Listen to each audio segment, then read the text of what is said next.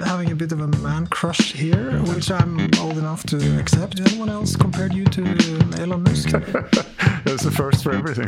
I have to say, it looks maybe a little bit too good to be true. There's more for us today than it ever has been. If you Google waste management, there's a lot of mafia and Frank Sinatra. You don't seem very afraid. Managing the forest is the only way to, to go. Recycle our products. He is the CEO of the only Norwegian listed company that the Beatles ever made a song about. He is the CEO of one of the greenest companies we've had in the Arctic podcast so far. Bit of a stiff competition, actually. Their annual report says we create green value. He is also the CEO of the only company that I am aware of, maybe next to Tesla, where the price of CO2 quotas makes a real impact on the bottom line. He sells newsprint papers. That's not necessarily been a bed of roses. But he is launching an ESG super friendly recycled containerboard production based on waste to energy that he's very keen to tell us more about. Welcome to the studio, Sven Ombudstvedt. Thank you very much, Kelta. Thank you. Thanks for having me.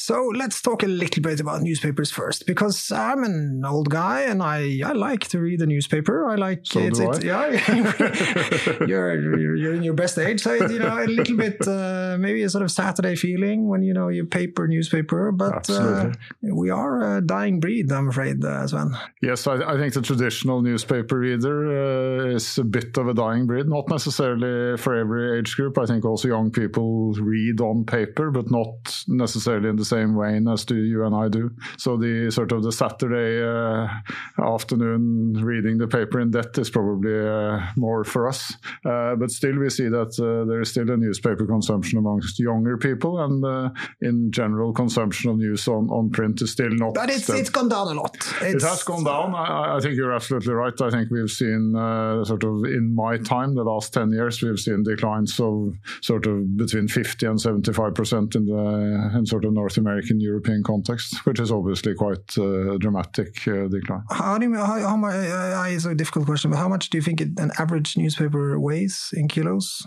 Oh, the, the, the only thing we know is that uh, the biggest one has been uh, sort of five kilos, is the largest ever printed copy, which is the New York Times back in the 80s. Today, it's it's almost nothing. It's it's uh, wafer thin sometimes. Uh, so I just looked at the numbers because you say in your quarterly report that uh, it's been 20 million tons uh, 10 years ago, and it's gone down to I think less than 10 million tons in newsprint. has, yeah. uh, so if you put in, for example, 200 grams per paper, and if you put in, for example, six days per week, that's down from 300 million to 160 million newspapers in Europe. Do you think that's ballpark? Yeah, I, I think it's probably even even worse than that in terms of the of the numbers. So it's probably gone down in terms of copies being printed and distributed. I think it's even more. But newsprint is also being used for other purposes, um, Such as? such as catalogs, uh, inserts, things you get in your mailbox as more direct marketing. Yeah, but IKEA, for example, they stopped now, didn't they? Yeah, they stopped. Uh,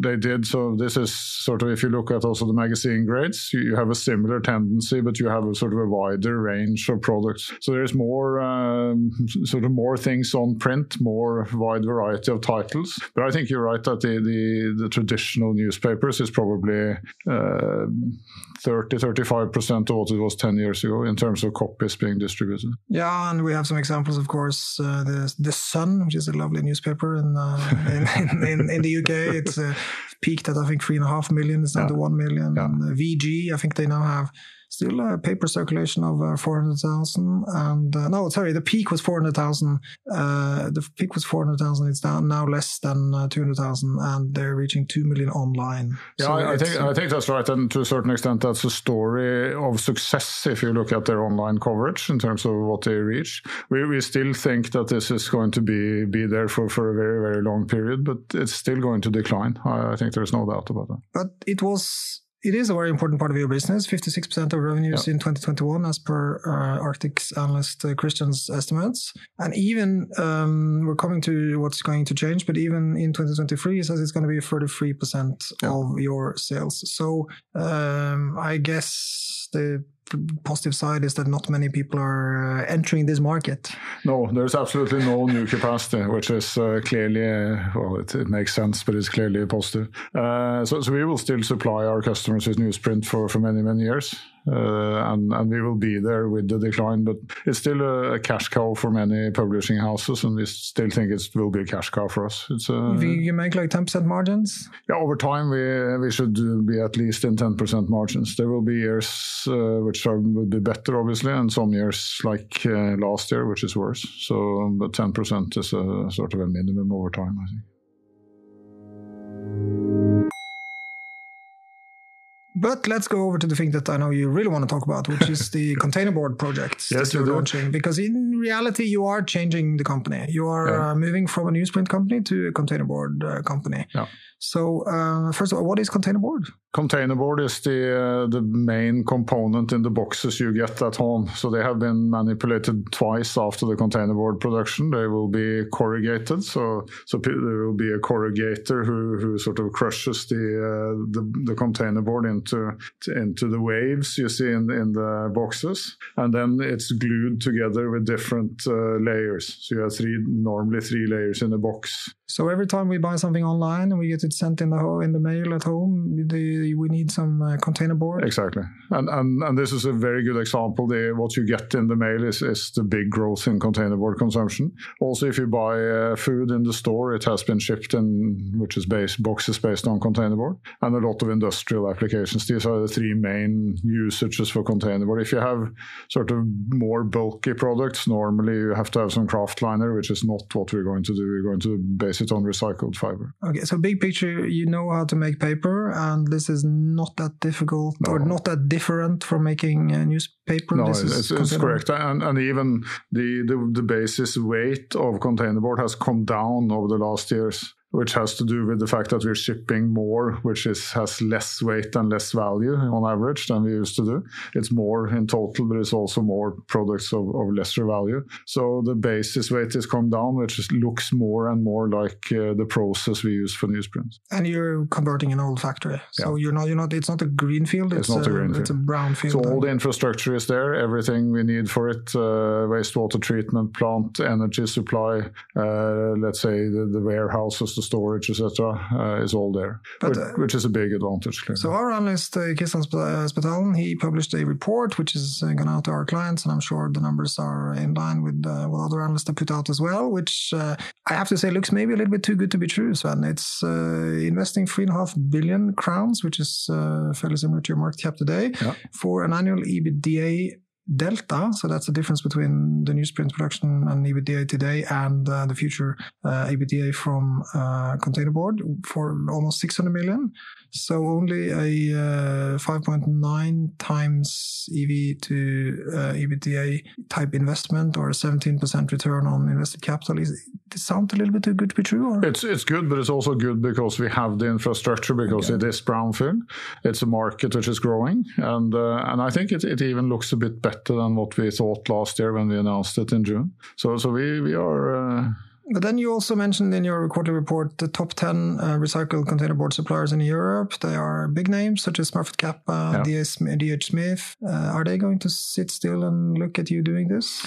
I, am not necessarily sure they're sitting still. They're also developing in their business. They, they do quite a lot of things. And this is a fast moving marketplace. Is, have, is it a growing market? It's a growing market, yeah. So How much it, is it grows? We, we have estimated 2%. It has grown more than that over the last years, about 3% over the last five years. Okay. In Europe, globally, it's growing even more. Okay. And are you in the waste management business now? We, we will be at least. it's uh, it's uh, historically. I, am not I'm not an expert, but I think if you Google waste management, there's a lot of sort of mafia and Frank Sinatra and organized crime. I'm not sure, but they, so tell us about the waste management business that uh, Norske Skog will be in. Yeah, well, what we will do is to we will enter this business next year. So we're in construction phase now of a large waste to energy boiler in Austria, 50 megawatt hour facility. So this is a 72 million investment for us. It's a large scale uh, plant. So it, it's part of the part of the Bruck. Uh, yeah. So so, so, so it, it, will, it, will, do two things basically. Okay. It will collect waste, as you say, from municipalities and others who will supply it in against the gate fee. So we get the gate fee to to burn rejects based, uh, and then it will also deliver steam and, and, electricity. We can sell the electricity on the grid, or you can use it internally in the in the mill. Uh, so this will, as long as there's two machines running in Bruck, we will use most of it internally. So municipalities municipal solid waste. Yeah, the rejects, the one, the things you cannot reuse or recycle, that has to be either landfilled, which today in certain parts of the world is still landfilled. That is not really allowed anymore in Europe. So European Union wants to have less than 10% uh, uh, landfilling in, in a certain period of time, and uh, in Austria it's even stricter. So so so they need to burn the residuals. So this is part of the EU Green Deal. Yeah, it's part of the Green Deal to a certain extent, and it has been around for a while in, in certain parts of Europe, but not necessarily in the whole of EU. Now it's it's rolled out also to to everyone, including Eastern Europe. This is relatively close also to Eastern Europe, so there will also be uh, rejects being shipped from from neighboring countries into Austria.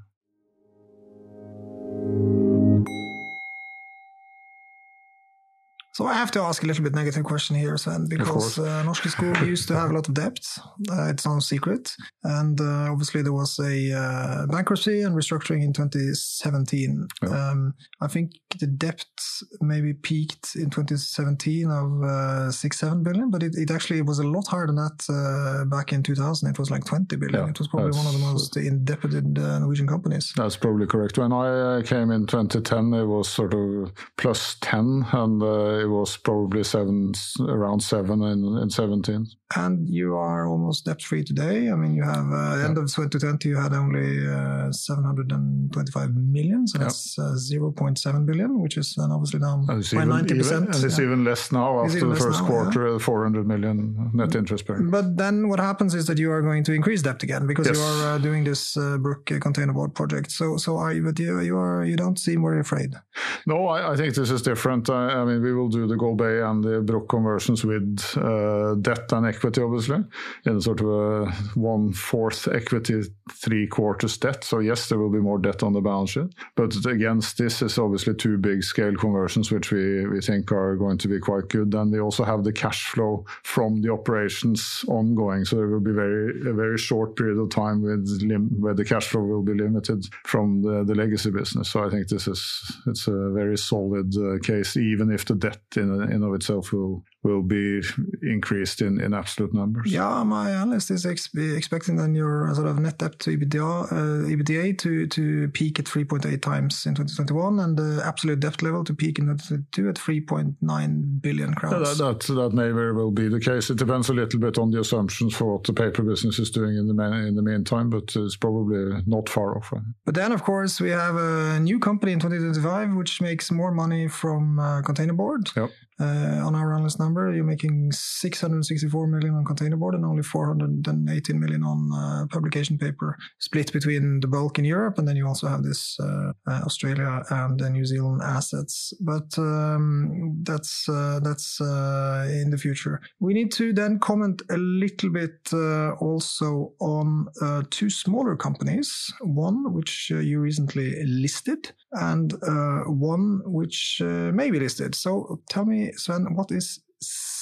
Circa? Circa? Circa, yeah. Circa is a, is a development company coming out of Australia, Melbourne, University of Melbourne. So with uh, our Boyer mill in Tasmania, we've built a pilot plant together with Circa, and we've been a shareholder and a supporter for six years. Uh, and gradually from grams to kilos to tons, we have been able to develop something called LGO, which is basically a solvent, a biochemical solvent, who will replace petrochemical solvents in a wide variety of, of possible products. One of them can be pills, medicine you have yeah. yourselves. You maybe don't know this today, but you are eating some oil-based uh, chemicals if you take a pill. I take antihistamines. it's uh, pollen season, so uh, okay, since so I'm, you know I'm eating oil, I, I know. Yeah.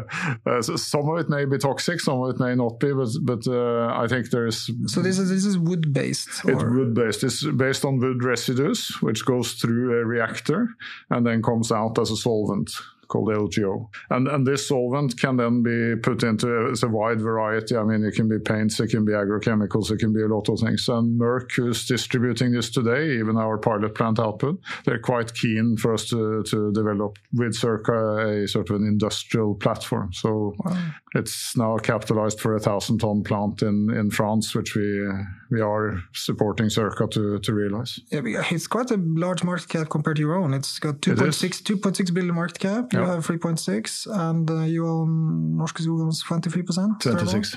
So that's uh, yeah, more than 600 million worth. Yeah. So uh, makes I guess your uh, stub valuation even even cheaper if uh, people bothers to look at stub valuations these days. Indeed.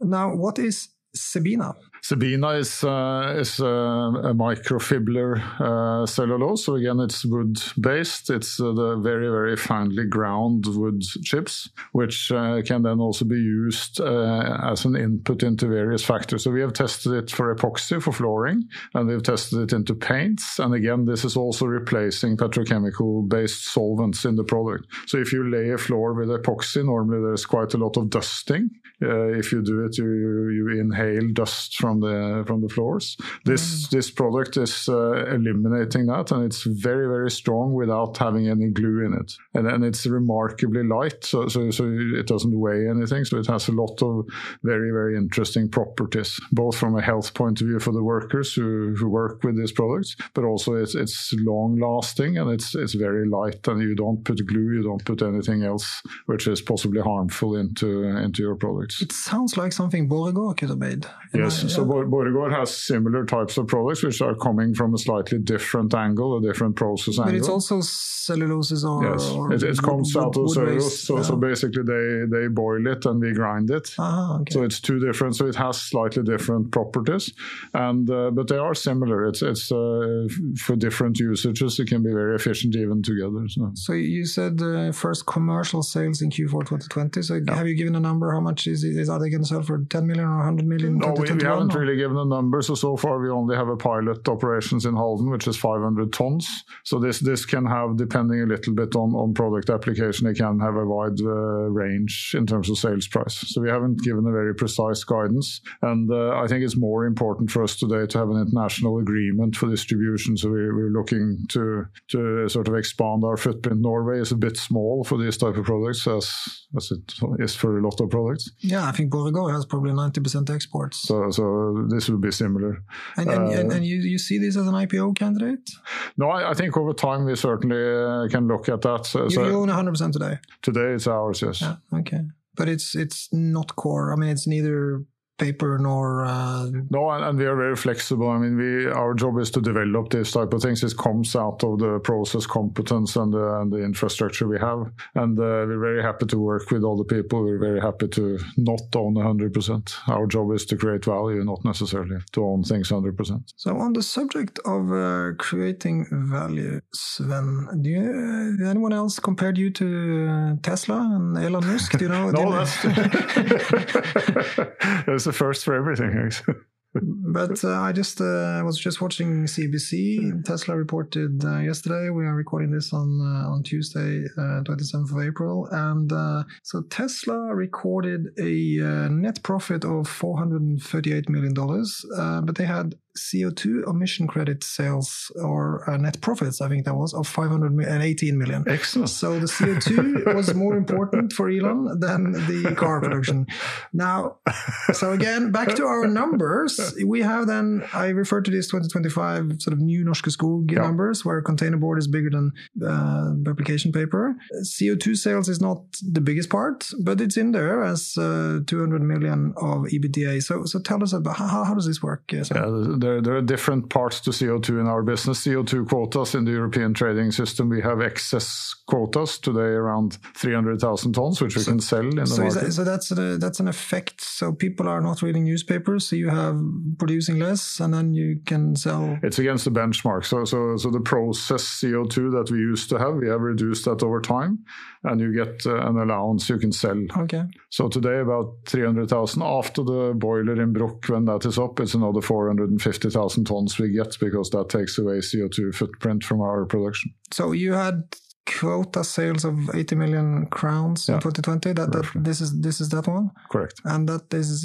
expected to increase a little bit. Well, it increases not necessarily. I mean, yes, with the Bruck boiler, there is Uh-huh. more tonnage, but also the price of CO2 is increasing. Most people think so. Yeah, there was, it uh, has there, was, there, was a, there was a fund manager, Martin Mølseth, was saying Yeah. in Finansavisen on Monday that uh, higher oil prices is good Yeah. for Norske Skog because higher oil prices probably means higher CO2 prices. So, so you can speculate yourselves, but the price has come from from levels 5, 10 euros per ton. Now it's 45. People think it's only going to match out at 75, 80. That's uh, that's anybody's guess. Uh, but clearly, from a political point of view in the EU, it's uh, it's meant to tighten. So the price is meant to increase. And then there is another point, which is the CO2 compensation, which Yeah. is support for industry uh, due to the higher electricity prices. Yes, indeed. Yeah, which is another long discussion, I guess. But uh, It's a long discussion, but it's uh, applicable to France and Norway. Uh, so we get it both places. And last year, 2020, about 300 million was received. Under that, a little bit more than 300 million. but that's a bit of a special year, I guess, with COVID hitting. Uh, Yeah, it's not really a COVID system. So this has been in, in place for since 2013, but obviously it also is linked to the CO2 price. okay, So it's more important as the CO2 price is increasing. So in the past, it hasn't really hit the numbers because it's uh, been too small. So, how do you score wait, wait, when you meet these consultants, which I hear are where I, I hear that uh, several fund management groups have uh, ESG consultants in the meetings these days. They have. So you, you uh, I noticed in your annual report you have too few women employees. That's that's a negative. Yeah, that's that's a bit tough in That- terms of the of, paper industry. Paper industry, yeah. Yeah, but, but, but but tell me about the sort of green, just just the basis of cutting down a tree and putting it into a machine and make it into paper. Is that a green and sustainable business model? Yeah, we, we think that managing the forest is the only way to, to go. So otherwise, the forest is rotting and emitting CO2. So so it's uh, it's a green way to go. Obviously, in a managed fashion, in a controlled fashion, but particularly in Europe and also in, in North America and Australasia, it's today very very controlled. And the environment is uh, you plant three uh, trees per once you are logging and cutting down. So there's always a replenishment, and this has been going on for many years. So so there's more forest today than it ever has been. And then, of course, it gets even greener if you use recycled paper. Yes, indeed. So, so we obviously want everyone to recycle our products, and paper as a product is the most recyclable material in Europe. How, how much is recycled? So I 75%, Yeah, yeah. because I, I and it must be even higher in Norway because it's such a Yeah, part of the it's culture. you higher for our products, but obviously inside paper you also have tissue, so uh, toilet paper Mm. and, and other tissue products, which is not easily recycled. So so that if you include that, I think for newspapers itself, it's probably in like Norway, Sweden, Finland, Germany, it's probably 90, 95 Yeah, it must be ninety percent. Yeah, exactly. It's such a it's such frowned upon to throw it in the in, Yeah, the, in, yeah. in the general waste. You always throw it in the in the paper recycling Absolutely, waste. yeah. and uh, this is something that obviously kids learn from a very Absolutely. early age. So it's uh, it comes in with the mother's milk. And then and then also on the uh, on the on the container board, that's also Yeah, it's similar. It's, recycled. similar. It's, so, so what we're going to do is 100% based on recycled material. And So is that, is that the same as newsprint, or is it or do you recycle container board to get to containers? yeah, it's the latter. You can use also newsprint for this. We cannot on newsprint. We cannot use containers, but on the container board you can use both. But it's more efficient to use uh, old containers. Now, um, I want to touch a little bit uh, on uh, sort of trip down memory lane. Um, we're not, we dealt upon it already with the depth and all that, so we're not going to go into details. But tell me a little bit about uh, John Chiang. Am I pronouncing that right? John Chang, yes. Is he a, of friend of yours now, or you? Oh, he's a friend of mine. I, I met him first time 2015 on an investor meeting in London, and he was uh, smiling and he was friendly, and uh, we we had a meeting together for an hour, and then I didn't see him for a while, and then as the restructuring approached, I started to see him more and more, and uh, so Oceanwood is uh, is a debt uh, high high yield European debt fund, so this is his job. So he became he certainly involved. has stamina. He's been in six six years ago. yes, yes. Have you played poker with him? I have not, uh, but I do know someone who, someone who has, and apparently that's not a very pleasant experience unless you're prepared to lose. I once played poker with uh, Magnus Carlsen. That was uh, a terrible idea. I, uh, first of all, we were sort of you know drinking some whiskey and a beer and having. He was not drinking. He was only taking, taking our money.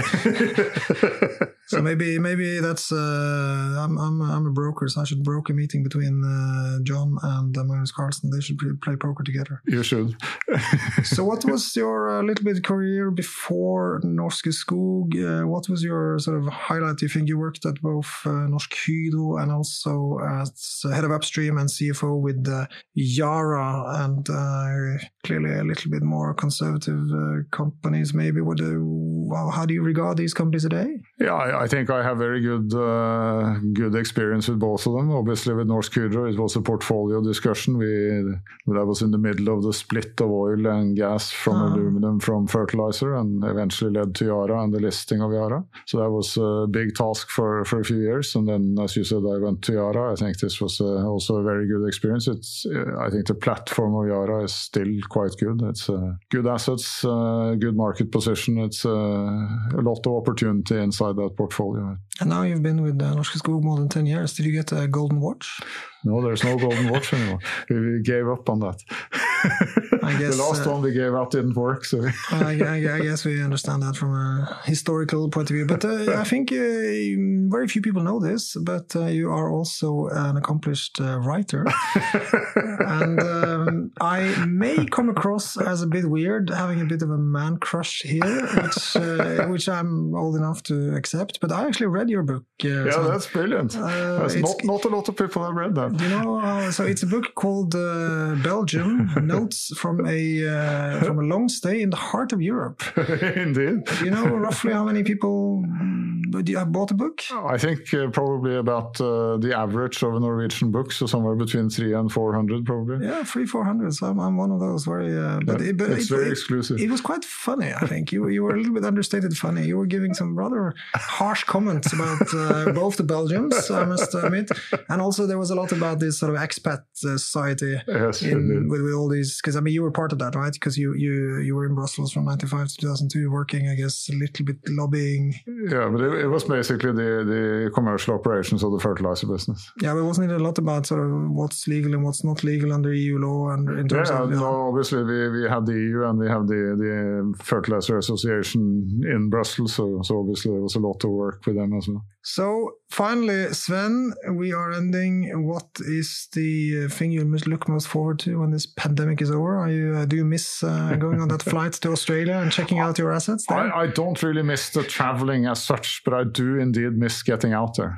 I think it's been personally, it's been a, a test to be at home and not being able to travel. It's been boring. I, I it's a, it's bit, a bit boring. boring. I haven't been on a plane since uh, the 10th of March last year, coming from Stockholm, and uh, it's it's very strange. Um, no, and, and I think, you know, for old people like you and me, we can sort of live a little bit off our old connections, but it's impossible to make any new acquaintances. Yeah, and of course, you you don't really get to know people over Zoom or uh, Skype or. No, and, and, I think we have a, we have difficulty in the New Zealand businesses under restructuring, which is very difficult to do on Zoom from Oslo with the time difference. Oh, and, terrible. It's yeah, it is. So let's uh, look forward to that uh, trip to New Zealand. Then. Okay, thank you very much for participating in the Arctic uh, podcast. We're back next week with other exciting guests. Thank you for listening. Thank you for having me. This podcast has been prepared by Arctic for information purposes only. The information, opinions, and recommendations presented in this podcast are for general information only, and any reliance on the information provided in this podcast is done at your own risk. This podcast should not be considered professional advice. The information provided in this podcast is not intended to constitute investment advice, nor is the information intended as an offer or solicitation for the purchase or sale of any financial instrument. Relevant and specific professional advice should always be obtained before making any investment or credit decision. It is important to note that past performance is not indicative of future results. This podcast does not fulfill the criteria for preparing investment research and must be seen as marketing material. All information submitted during this podcast is obtained from public sources that Arctic believes to be reliable, but which Arctic has not independently verified. Arctic makes no guarantee, representation, or warranty as to its accuracy or completeness. No liability whatsoever is accepted for any direct or indirect, including consequential loss or expense arising from the use of information on this podcast.